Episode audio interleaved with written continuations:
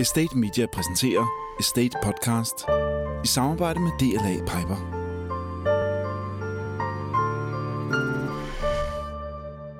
Rigtig hjertelig velkommen til Estate Podcast. Vi sender i dag med øh, tre profiler fra ejendomsbranchen, som øh, ved en hel masse om især boligmarkedet, også lidt om nogle andre dele af markedet, men, øh, men det er boligmarkedet, vi kommer til at tale om. Vi har øh, administrerende direktør Henrik Dahl Jeppesen, 26 år i DS, og øh, fra at have været en ren ejendomsadministration, så er det i dag knopskudt til at omfavne det meste af det, man har brug for som investor med over 2.200 ejendomme under administration. Og Henrik, du er også et aktivt foreningsmenneske, og i knap halvandet år har du været formand for Ejendomsforeningen Danmark, der nu hedder Ejendom Danmark, hvor, øh, hvor du efterfulgt John Frederiksen.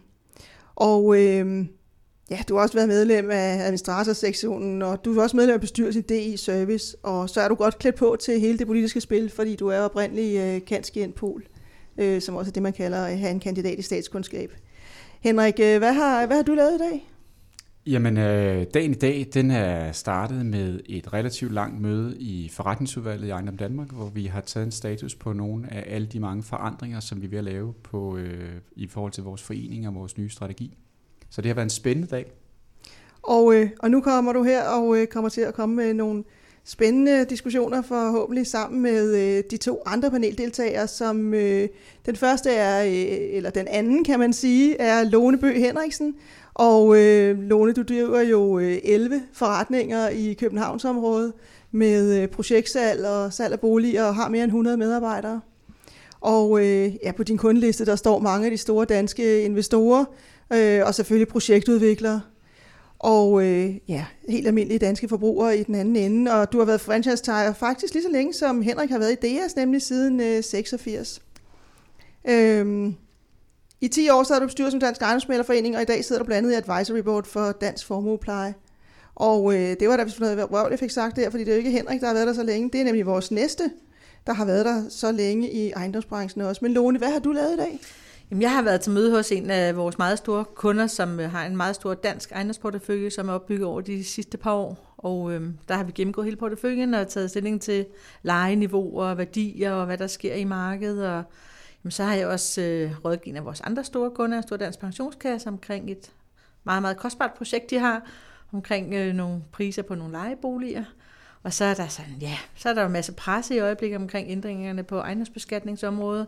Det er der rigtig mange, der interesserer sig for aviser, fjernsyn, øh, kunder, samarbejdspartnere, der ringer og spørger om gode råd. Og det snakker vi meget mere om lige om lidt. Og øh, ja, jeg fik jo sagt, at øh, Henrik Dahl Jeppesen har været 26 år i DS. Det er nemlig rigtigt, men det er Lars Thylander, der har været i ejendomsbranchen også siden 1986 og handlet med ejendomme. Og øh, på et tidspunkt, Lars, så for en 10-15 år siden besluttede du dig for at skifte kurs fra den rene malerrolle til at blive i højere grad et asset management selskab.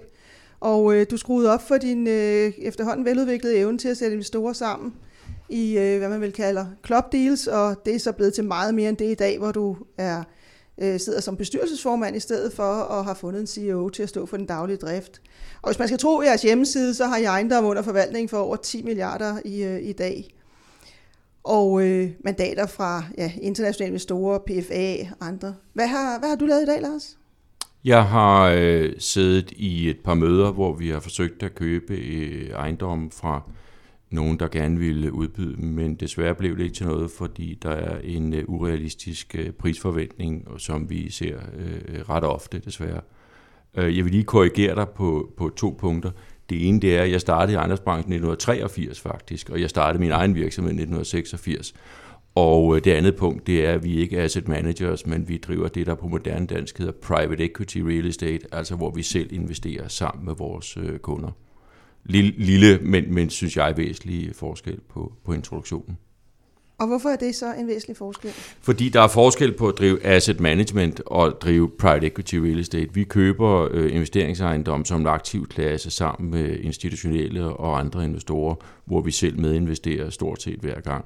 Og det er en lidt anden disciplin end at lave management på andre folks ejendomme. Som er det, der ligger over i uh, Henriks lejr. Er det sådan at forstå? Det tror jeg godt, man kan sige. Ikke? Det kan man sagtens sige. Det er fuldstændig korrekt. Godt så, så fik vi det på plads, og øh, så går vi videre til, øh, til dagens første emne lige om et øjeblik.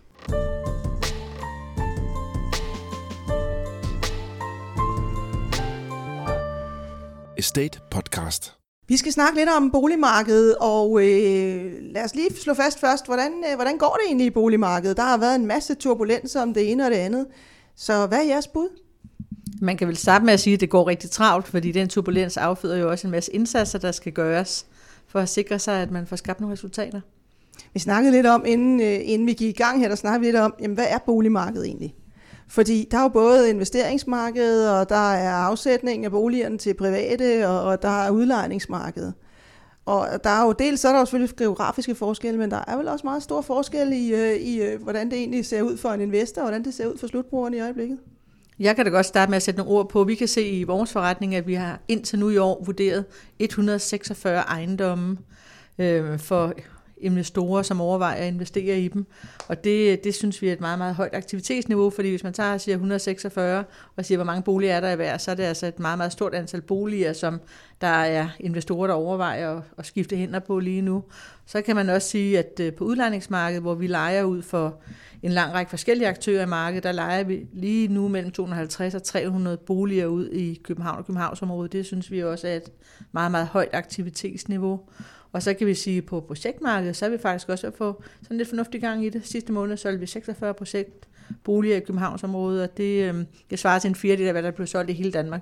Så bare for at, at sætte tingene i perspektiv. Og så kan man sige, at på det almindelige boligmarked, så er der også en masse justeringer, som blandt andet afledes af de her kreditstramninger. Så der er en masse forskellige indsatser, der skal gøres nu her for at komme i mål med, med, med de ting, man gerne vil, så man også har nogle tilfredse kunder. Er du enig i det, Henrik? Øh, jeg tænker, hvis man skal supplere på det, du siger omkring lejeboligmarkedet, så kan man sige, at øh, vi leger vel generelt de lejligheder ud, som vi har til leje. Øh, det er klart, at øh, der er en grænse, forstået på den måde. Der er også en grænse for, at der er et vist marked til, til lejligheder i et givet lejeniveau. Øh, men alt generelt, som jeg ser det i Storkøbenhavn, det kan man øh, til en vis grad lege ud. Der er selvfølgelig længere liggetid nogle gange. Der er en lille smule øh, på landsplan. Man har måske lidt forbygget sig i Aalborg i en, i en kort periode, så der har man måske lidt en udfordring med, at, at der kan helt efterspørgselen ikke følge med udbuddet. Men generelt så ser jeg et super sundt lejeboligmarked. Jeg ser, at flere og flere rent, rent faktisk gerne vil bo til leje som et positivt valg. Altså vi kan faktisk se på de ejendomme, som vi holder udlejet. Vi har en tomgangsprocent på under 1 øh, procent, og det, det synes jeg er et rigtig, rigtig flot resultat. Og det samme har vi, kan jeg bare ja. sige, i Tylandergruppen. Vi har heller ikke nogen tomgang, men det har jo selvfølgelig også lidt med, hvordan man lægger sine priser at gøre. Øh, og øh, i den gamle boligmasse i København, der er der, altså København er en pragtfuld by, og masser af mennesker vil gerne bo i København. Og det nyder vi jo heldigvis godt af, og vi er også rimelige på priserne, så det, det, det, vi har nul i tomgang. Så når man snakker om, at priserne har sat sig, og det begynder man at kunne se i en, i en øget topgang øh, alternativt, så er det ikke noget, I mærker endnu ude i, øh, i markedet. Ja, det er jo afhængigt af, hvilken del af markedet du kigger på, for der er jo ingen tvivl om, at, øh, at det nybyggede projekttal, det er også det, Lån siger, det er kommet lidt i gang igen, men det har jo haft øh, en ret svær tid øh, øh, bag sig, øh, og øh, om det øh, er løst endnu, det har vi vel til gode at se. Så vidt jeg kan se, så lander der 5-6.000 nye boliger på markedet i, øh, i løbet af 2020. Ting, der er under opførelse i øjeblikket. Og hvis de lander i et marked, der har lidt svært i forvejen, ja, så kan det jo give nogle problemer. Og hvis de bliver konverteret til udlejningsboliger, kan, kan de give yderligere problemer på det marked, kan du sige. Så det er, det har vi jo til gode at se. Øh, og alt det her skattesnak og 5-2-snak, det gør det jo heller ikke nemmere øh, i, i forhold til øh, både ejerbolig og investormarkedet. Er I ude at gøre nogle særlige ting, Henrik, i forhold til at få udlejet? I har jo mange store pensionskassers øh, ejendom blandt andet. Jamen du kan sige, øh, ja, hvis, du, hvis du kigger 10 år tilbage, ja, så gør man jo lidt mere for at markedsføre tingene i dag, end man gjorde, gjorde, gjorde før i tiden. Altså man kan sige, at nogle af de myter, der er på markedet, det er jo, at, at det har været sådan et ventemarked, man skulle stå på en venteliste. Men jeg tror, man, man i offentligheden sammenligner man for meget hele det her almene, almene lejeboligmarked med det private udlejningsmarked. Så det er, det er lidt et fortal, der står på ventelister. Øh, så, så du så, som udlejer, der, der, der er du i dag i en situation, hvor du agerer som om det er kunder. Det er ikke noget, folk står på venteliste til, som i det gamle Sovjetunionen, hvor man kunne vente på at få lov at købe brød i en bagerforretning, når de kom osv. Så, så du kan sige, generelt, altså du arbejder jo mere, hvad kan du sige, professionelt moderne med at markedsføre dine produkter. Det, det, det må man erkende. Det, det ser man alle steder der kan jeg i hvert fald også supplere, fordi det vi oplever, det er, at vi øhm, for hver udlejning, vi laver, så laver vi faktisk fire lejekontrakter. Og der, hvor vi kan differentiere os positivt, det er jo også på at skabe de bedst mulige kundeoplevelser. Så vi er jo meget hands på kunderne, fordi jo hurtigere vi kan få sendt en lejekontrakt, og jo hurtigere vi følger op, jo større sandsynligheden også for, at de leger noget hos os, i stedet for for eksempel Aarhus Henrik eller hos nogle andre konkurrenter. Så, så der er jo ingen tvivl om, at man skal gøre sig fortjent til sine kunder i dag, og man skal virkelig gøre alle de indsatser, som overhovedet er mulige for at skabe de bedst mulige kundeoplevelser, ellers så bliver man valgt fra. Og det du kan høre ud af det her, det er jo, at der er jo ikke ligefrem mangel på boliger. Man skal ud og gøre sig fortjent til at få nye kunder, skråstreg, lejere i sine nye byggerier. Og det er jo fordi, at øh, hvis man vil lege en bolig i København i dag, så har man ret meget at vælge imellem faktisk. Og der kommer endnu flere på markedet i øh, Det gør der helt sikkert. Måneder. Er det noget, I, øh, I, I forbereder jer på? Øh, ja, helt afgjort, ja. På hvilken måde? Ja, altså for vores vedkommende øh, ligger vi jo og, og, og, og jagter den udvikling, der er på markedet. Vi er jo interesseret i at købe, når priserne er rigtige øh, sammen med vores øh, investorer, og øh, det er klart, hvis der kommer et overudbud af leje, skråstreger og ejerboliger, så kunne det jo godt medføre nogle, nogle, nogle, nogle, nogle prisfald på, på de segmenter der. Der skal man jo være klar til at agere, når man synes, prisen er rigtig.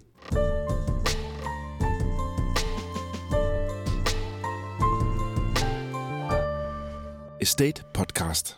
Vi skal tale lidt om, øh, om det emne, du har taget med, Henrik, fordi øh, du havde et indlæg i søndags på LinkedIn, hvor, øh, hvor, hvor du skrev, at øh, Boligøkonomisk Videnscenter blev oprettet som en part, der skulle være faglig, upartisk og neutral. Men så var du faldet over en artikel i dagens Politikken i søndags, og det var du ikke helt tilfreds med. Hvorfor var du ikke det? Jeg, jeg tror egentlig, at tolkningen af mit indlæg, den er måske lidt, øh, måske lidt hårdere, end det var ment. Øh, jeg vil sige, at øh, nu er jeg nyhedsnørd, så jeg får læst en masse aviser, og, øh, og, og når, når man har været her nogle år, så, øh, så føler man jo lidt med i tingene, som påvirker ens marked, som betyder noget for ens øh, kunder og ens lejer. Øh, og jeg så bare konkret en, øh, en artikel, som jeg synes, at i forhold til, at Boligøkonomisk Videnscenter er oprettet som at være et partis, uh, upartisk undskyld, og neutralt uh, uh, videnscenter, så synes jeg, det var, uh, det var blevet brugt af politikken og, uh, og måske af, af dem selv i en lidt skæv retning, som jeg ikke nødvendigvis bryder mig om, forstå på den måde, at man hele tiden mistænkeliggør udlejning som, som noget, der er uprofessionelt, og, øh, og man satte så specifikt en sammenhæng mellem en, øh, en, øh, en statistik, vi i øvrigt kan få lov at se nu officielt på rapporten, men en, en prisstigning, og så satte man sammenhæng mellem prisstigninger og 5-2-moderniseringer. Det er der meget bekendt ikke noget belæg for. Øh, med far for, at jeg ikke er nationaløkonom, men, men det er der altså ikke noget belæg for. Øh, det er helt givet, at øh, der er mange aktivklasser, der er steget. Det er helt givet, at vi har et renteniveau osv., men, men jeg forstår simpelthen ikke sammenhængen, og det, det tror jeg, der, der var mange, der var enige med mig i. Øh, der kan jeg bare sige, at jeg er 100% enig. Jeg skyldte mig at dele Henriks øh, indlæg øh, på LinkedIn også, og øh, hvad hedder det, de der prisstigninger, man har set på udlejningsejendommen, har alene afsæt i det rentefald, som også har givet øh, øh, prisstigninger på alle andre investeringsaktiver. Øh, det gælder aktier, obligationer og øh, infrastruktur og private equity. Alting stiger jo i værdi, når renten falder så meget, som den har gjort her. Og det gælder også de her udlejningsejendomme, som, som, som artiklen omhandlede. Det har intet med 5-2 at gøre. Og det gælder jo også resten af ejerboligmarkedet. Det gør det. Men der var vel også noget med, at det faktisk er primært nye ejendomme, der er blevet handlet, og derfor per ejendom er en bedre standard. Øh, det, det har jeg ikke set øh, øh detaljerne, eller, eller øh, hvad hedder noget, det? Nogle af de argumenter, der var fremme i, øh, i ja, debatten. Jo, også. men så er det jo ikke relevant med 5-2-debatten, kan man sige, for nye ejendomme har jo ikke noget med 5-2 at gøre, øh, hvad hedder det, så, så, så meget desto mere øh, er det irrelevant for hele øh, snakken om 5-2. 5-2 øh, har ikke medført kæmpe prisstigninger på beboelsesudlejningsejendomme. Præcis, og det er vel også derfor nogle gange, man kan sige, at farvelsen lidt kommer ind, fordi det skaber bare noget usikkerhed hos forbrugerne, hos lejerne omkring det her. Og det, det er med til sådan at mistænkeliggøre hele udlejningsmarkedet. Øh, og jeg synes, man har en pligt til at være sober og nøgtern og seriøs, når man oplyser. Det er også det, der gør, at det er interessant at snakke de her fem år, fordi det er jo en afløber af, at vi har brugt offentlige midler i faktisk i milliardklassen tilbage i 80'erne og 90'erne på at byforny at man laver en regel i 1996, der blandt andet skal sikre, at det sker ved privat finansiering og med de incitamenter, der gør, at udlejer rent faktisk moderniserer boliger. Og så er det bakket op, vil jeg så bare lige tilføje, at glimrende system, hvor folk kan få testet deres husleje af i forhold til, øh, øh, man kan gå i huslejenævnet og få prøvet, at hvis man har fortrudt den husleje, man har skrevet under på, kan man jo gå ned i huslejenævnet og sige, jeg synes egentlig, det måske er lidt dyrt. Og så kan de øh, øh, tage stilling til det og, og sætte den ned, hvis det er for dyrt, og du beholder lejligheden bagefter. Men jeg tror faktisk, debatten nogle gange i, øh, i pressen når derhen, hvor der er mange mennesker, der går og tror, at man kan komme og varsle en 5-2-stigning for eksisterende lejere. Øh, og det kan man selvfølgelig ikke, det skal man heller ikke kunne. Øh, men jeg tror egentlig, at der er ret mange mennesker, der tror, at man kan komme og tvinge eksisterende lejere op i husleje med en 5-2-modernisering, og det kan gudskelov ikke lade sig gøre. Henrik, en af de spørgsmål, som, som, som du rejste i forlængelse af den her debat, du fik rodet dig ud i søndags, det var jo, øh, hvis behovet er der, hvordan skaffer vi nogle billige boliger til dem, der vidderligt har brug for det? Og øh, hvordan gør vi så det? Fordi det er vel egentlig det, der burde være, være, være spørgsmålet. Det er jeg jo meget enig med dig i, øh, og, og det tror jeg egentlig, der er mange, der er, fordi det er jo det, som, som vi alle sammen snakker om, vi skal have blandede byer. Så er det kommet til at handle om det her sådan med, er der nu nogen, der har, har, har for høje øh, prissætninger af lejelejligheder. Men hvis vi nu kunne tage fat i debatten i den anden ende og se, jamen, hvordan får vi skaffet de billige boliger? Jo, det gør vi ved 5.2. Altså en 5-2-lejlighed på 85 kvadratmeter, der er moderniseret, den koster et eller andet sted mellem 10 og 12.000 kroner om måneden. Det passer perfekt til den meget berømte politibetjent og hans kone, der er sygeplejerske. Altså det er en billig, højkvalitetsbolig, øh, centralt beliggende i København. Så, så vidt jeg ved, de, øh, de, øh, hvad hedder det, de beregninger af den såkaldte boligbyrde, der ligger i Danmark, øh, som jeg husker det, så ligger de på, at man, øh, man bruger omkring 50% af sin disponible indkomst på bolig. Øh, og øh, og det, det er jeg faktisk ikke bekendt med, om det er højere eller lavere i Danmark i forhold til andre store byer. Men jeg så bare øh, forleden en opgørelse af, at øh, som følge af det lave renteniveau og stigning af reallønnen, så var det ikke en, øh, så var det nærmest det var en faldende boligbyrde, vi havde set. Det er faktisk også korrekt, at boligbyrden i øjeblikket er langt lavere, end den var før finanskrisen. Så man kan sige, at den del af vores indkomst, vi bruger til at bo for, det er blevet en langt, langt mindre del over de sidste ja, 8-9 år efterhånden. Og jeg vil selvfølgelig sige for en god undskyld, Camilla, vi, vi, vi negligerer selvfølgelig ikke diskussionen om, om billige boliger, men jeg tror nogle gange, at det man savner øh, som praktiker, som borger, som virksomhedsleder, det er, det, det er to ting. Det ene det er, at vi har rigtig mange politikere, der, politikere, der reagerer på enkeltsager. Men vi indfører også som den anden ting nogle begreber, som vi ikke diskuterer ved indholdet af. For eksempel billige boliger. Hvad er en billig bolig? Det er et godt spørgsmål. Øh, jeg er fuldstændig, og det, ja. det er bare for at sige, at det er derfor, at selvom, selvom vi i branchen siger det, med en vis humor siger, at det er sygeplejersken og politibetjenten, deres løn, altså gennem, normale gennemsnitsindkomsters løn, der kan betale, så har vi jo svært ved at definere det.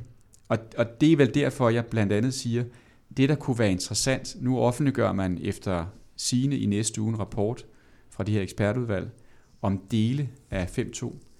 Men hvis man i stedet for politisk tog en debat om det samlede boligmarked, hvad er det for en boligmarked, man ønsker, så kunne man tage stilling til, hvorfor er det, vi i Danmark har en million mennesker, der bor i almene boliger? Hvorfor skal vi have andelsbolig? Hvorfor skal vi have ejerbolig? Hvorfor skal vi have lejeboliger? Det vil være en interessant debat at have på samfundsplan, fordi boligerne skal understøtte det behov, der er i befolkningen, det behov, øh, der er for, at befolkningen kan flytte hen til, hvor arbejdspladserne er osv. Det savner man jo nogle gange. Der, der vil jeg da også rigtig gerne supplere, fordi som ejendomsmælder, så oplever vi jo også, at der er rigtig mange, der gerne vil bo i nyopført bolig, men de nyopførte boliger, de meget sjældent dækker de reelle behov, der er. De er gennemgående alt, alt for store, og dermed, fordi de er for store, bliver de også for kostbare for dem, som gerne vil bo i København. Så hvis nu vi havde en, en meget mere nuanceret lovgivning, sådan at man rent faktisk kunne bygge nogle boliger, som matchede det behov, den efterspørgsel, der var. Der er rigtig mange enlige i København, der er rigtig mange unge mennesker, og de er også villige til at bo på færre kvadratmeter, for at bo på den beliggenhed, som skaber bedst livskvalitet for dem i forhold til det liv, de lever. Og det, den diskussion synes jeg også, vi savner, fordi det vi ser lige nu, det er jo også, at mange af de nyopførte boliger, de bliver så også delt imellem flere beboere, der skal bo der, fordi at vi ikke bygger den type bolig, som de rent faktisk gerne vil have. Og det synes jeg også er et kæmpe, kæmpe problem.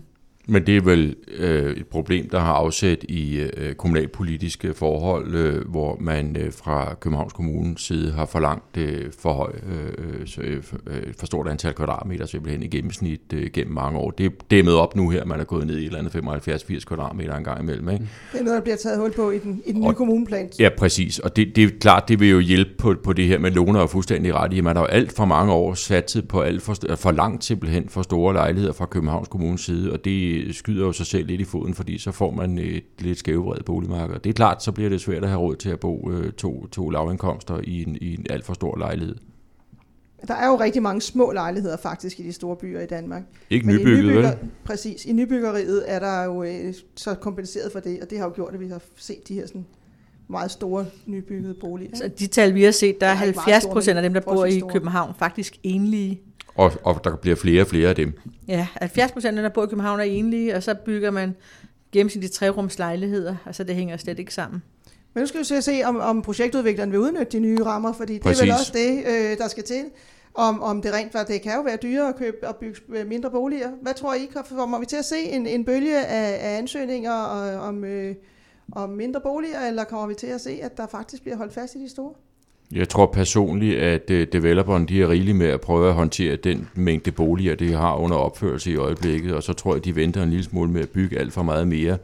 Øh, men, øh, men, men det er klart, at, at det, når, når, når der er ryddet op i gåseøjne i forhold til den eksisterende produktion, så vil man se et, et udbud af de der mere overkommelige lejligheder. Jeg tror da generelt, vi ser der eksempler på langt mere og flere tematiserede boliger. Øh, jeg kan se, at Pension Danmark har været i gang i Køge for eksempel. Og jeg tror, at det, det kommer der til at være en trend, der fortsætter. Selvfølgelig kommer der til at være kunder, forbrugere, der ønsker at bo på et mindre areal. Mm. Ikke kun fordi man er ung, også øh, måske fordi man er ældre, eller fordi man har fået taget et positivt tilvalg.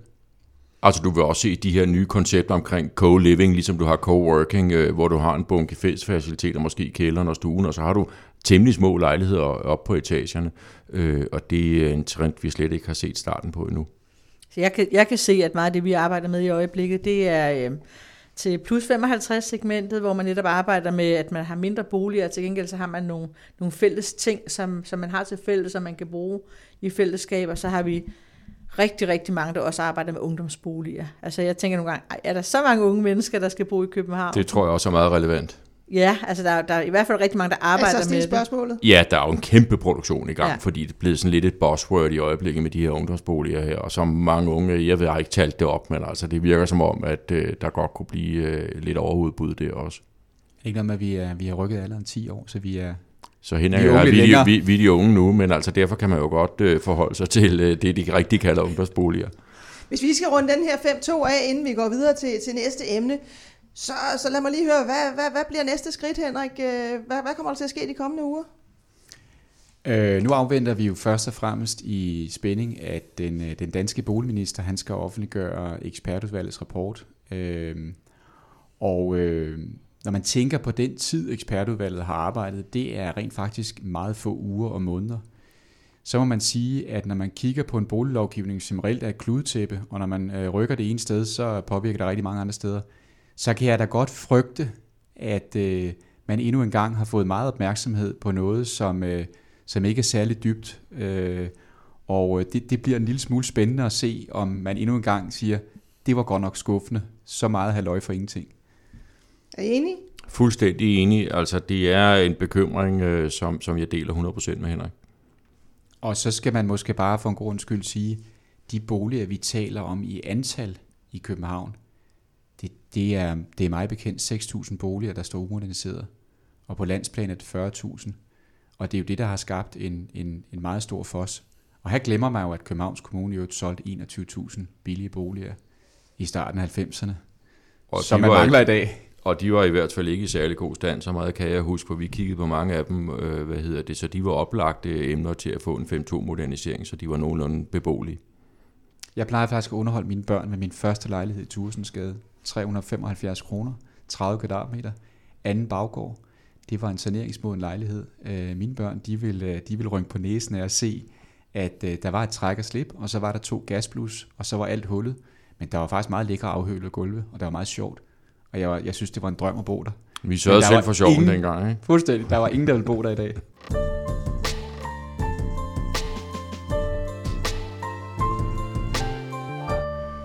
Estate Podcast. Vi skal tale om øh, en af de andre helt store ting, der, øh, der skete i den her uge med, med, med stor påvirkning af, af boligmarkedet, går jeg derud fra, men det vil jeg høre panelet om her. Nemlig at øh, skattereformen den blev udskudt. Øh, ikke bare en, en kort tid, men hele tre år. Og øh, ja, hvordan ser I det? Jamen altså, øh, bare sådan super, super kort helt overordnet, så er det vel, det er vel vigtigst, at man er forberedt fra skats side på, at det er klart og præcist. Frem for, at man jabber noget igennem. Og hvis man kæmper med noget andet, så er det da et mere ærligt budskab at sige, så lad os vente.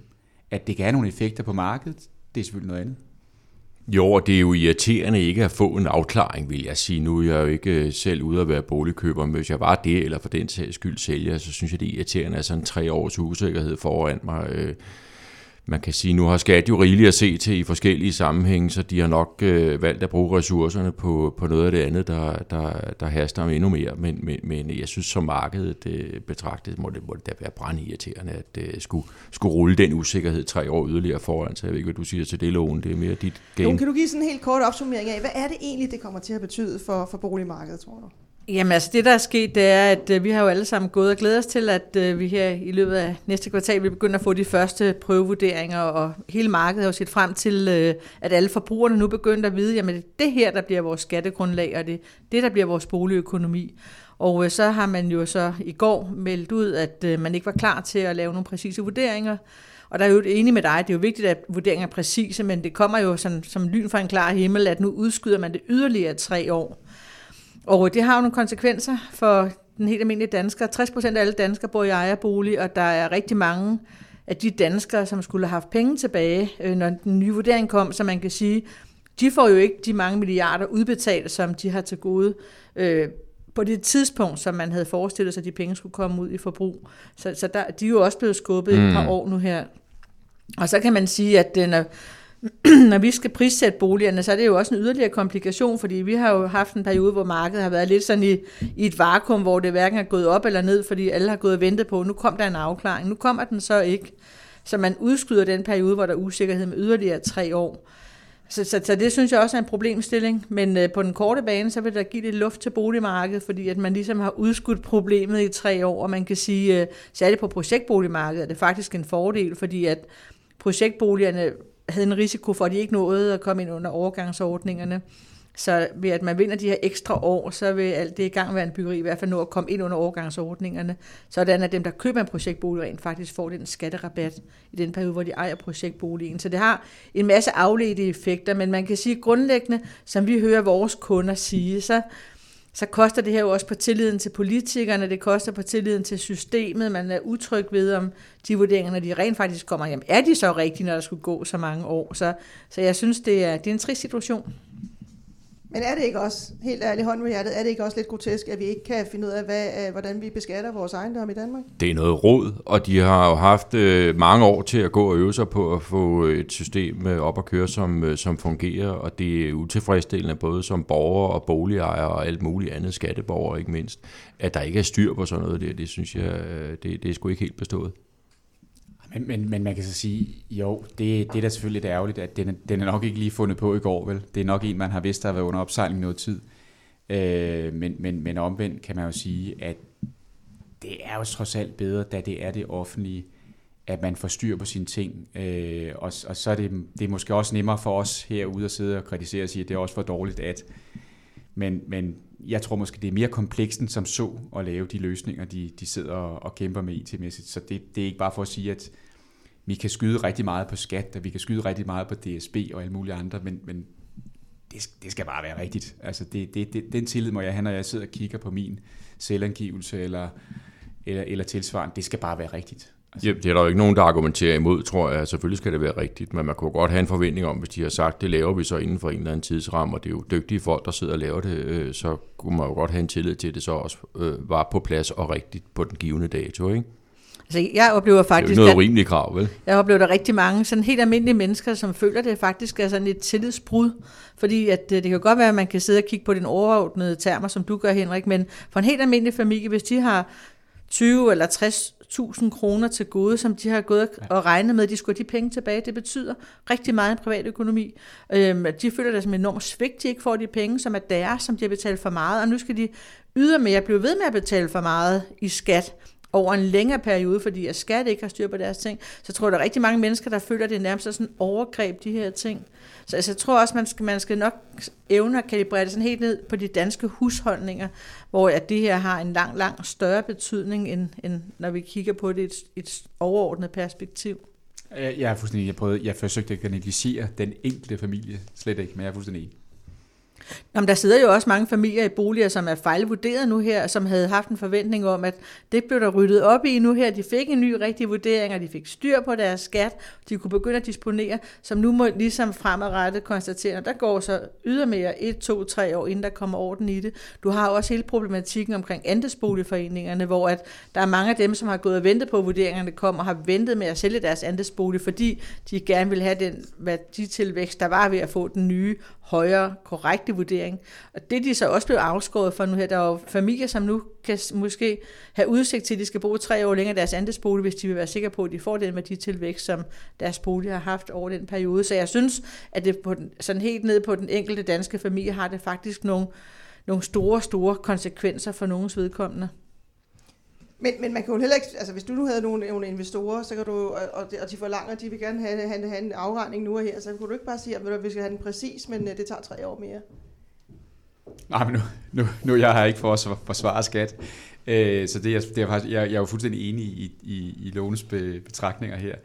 Øh, min, min pointe er bare, at øh, der må være foregået et eller andet. Øh, og, og det er klart, at det har nok ikke lavet, det har man ikke lavet sive noget før, fordi det her det har relativt, relativt omfattende konsekvenser, ikke kun for familier, men, men vel også for det professionelle marked, fordi der sidder vi også og venter på noget. Det gør vi. Og jeg det er tilbage ved bage ved at sige, altså det, jeg synes ikke, det, det, det, det er helt godt nok. Altså jeg synes, der er nok sat ressourcer af til, at de burde have styr på de ting der.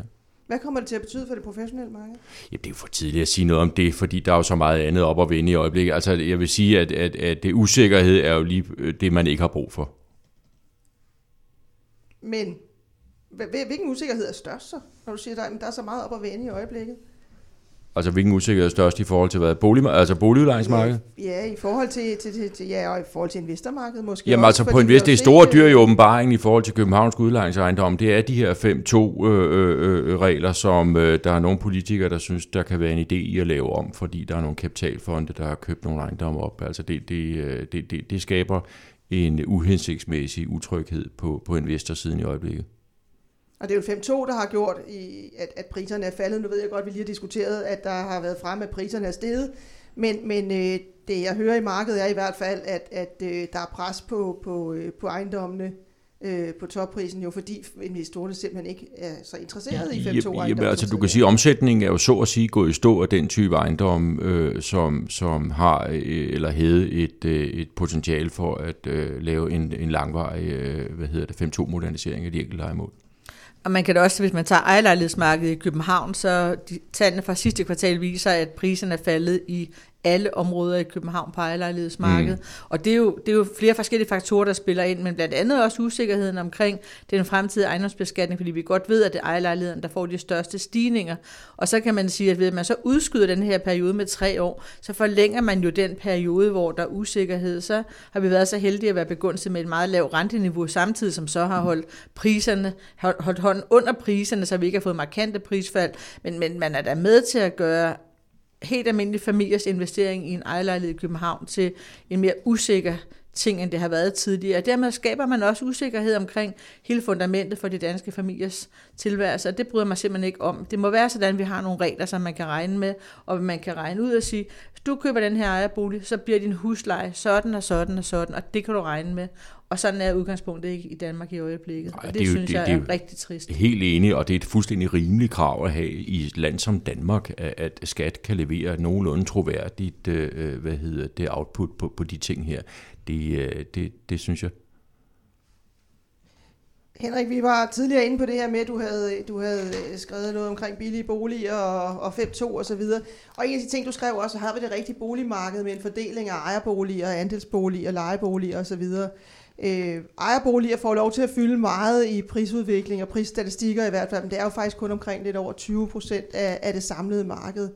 Så, så nu stiller jeg det spørgsmål, som du egentlig stillede ud i det blå. Øh, har vi den rigtige fordeling af, af de boligtyper, som, øh, som der findes i, øh, det, i det danske marked?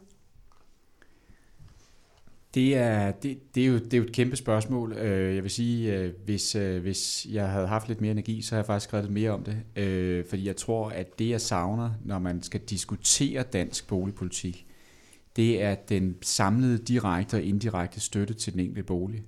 Og det vil sige, at man prøver at kigge på det sådan lidt mere pragmatisk og siger, hvor meget giver man til ejerboliger via rentefradrag og, og hvad hedder det, håndværkerfradrag og tilsvarende, hvor meget giver man til en almen bolig, hvor meget giver man til en lejebolig. Der savner jeg, og det er der, jeg synes, at vi skal have en boligøkonomisk øh, analyse af, hvad man egentlig ønsker af det offentlige at give til det. Øh, og også øh, en generel diskussion om, skal man, skal man have et boligmarked, hvor det er nemt at komme ind og billigt at komme ind og ud af osv.? Det, det, den diskussion når vi jo aldrig at have. Øh, så kan du sige, hvad mener jeg?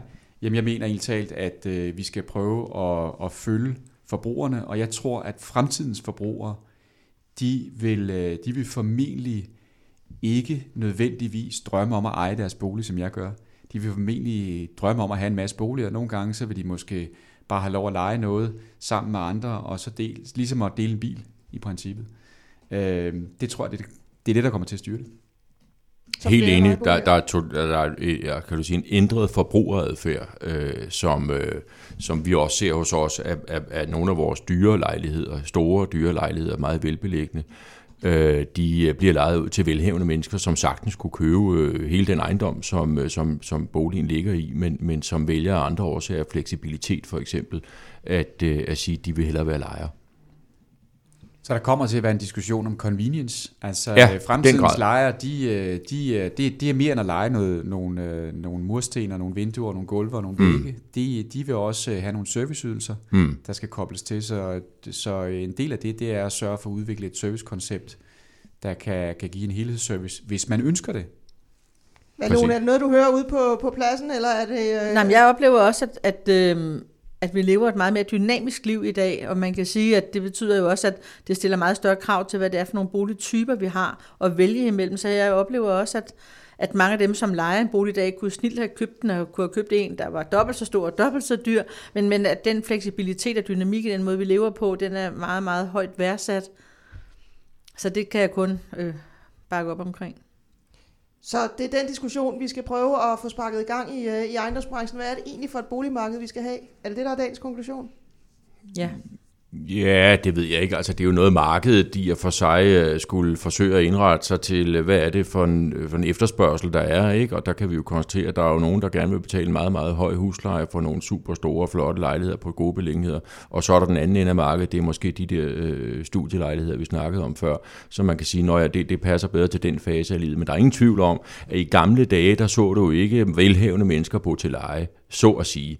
Og du, og du så heller ikke velhævende mennesker øh, lease deres bil. Øh, men i dag ser du meget velhævende mennesker, der kører rundt i en leaset bil og bor til leje i en stor dyr lejlighed et eller andet øh, sted, som er, som er helt fantastisk for dem.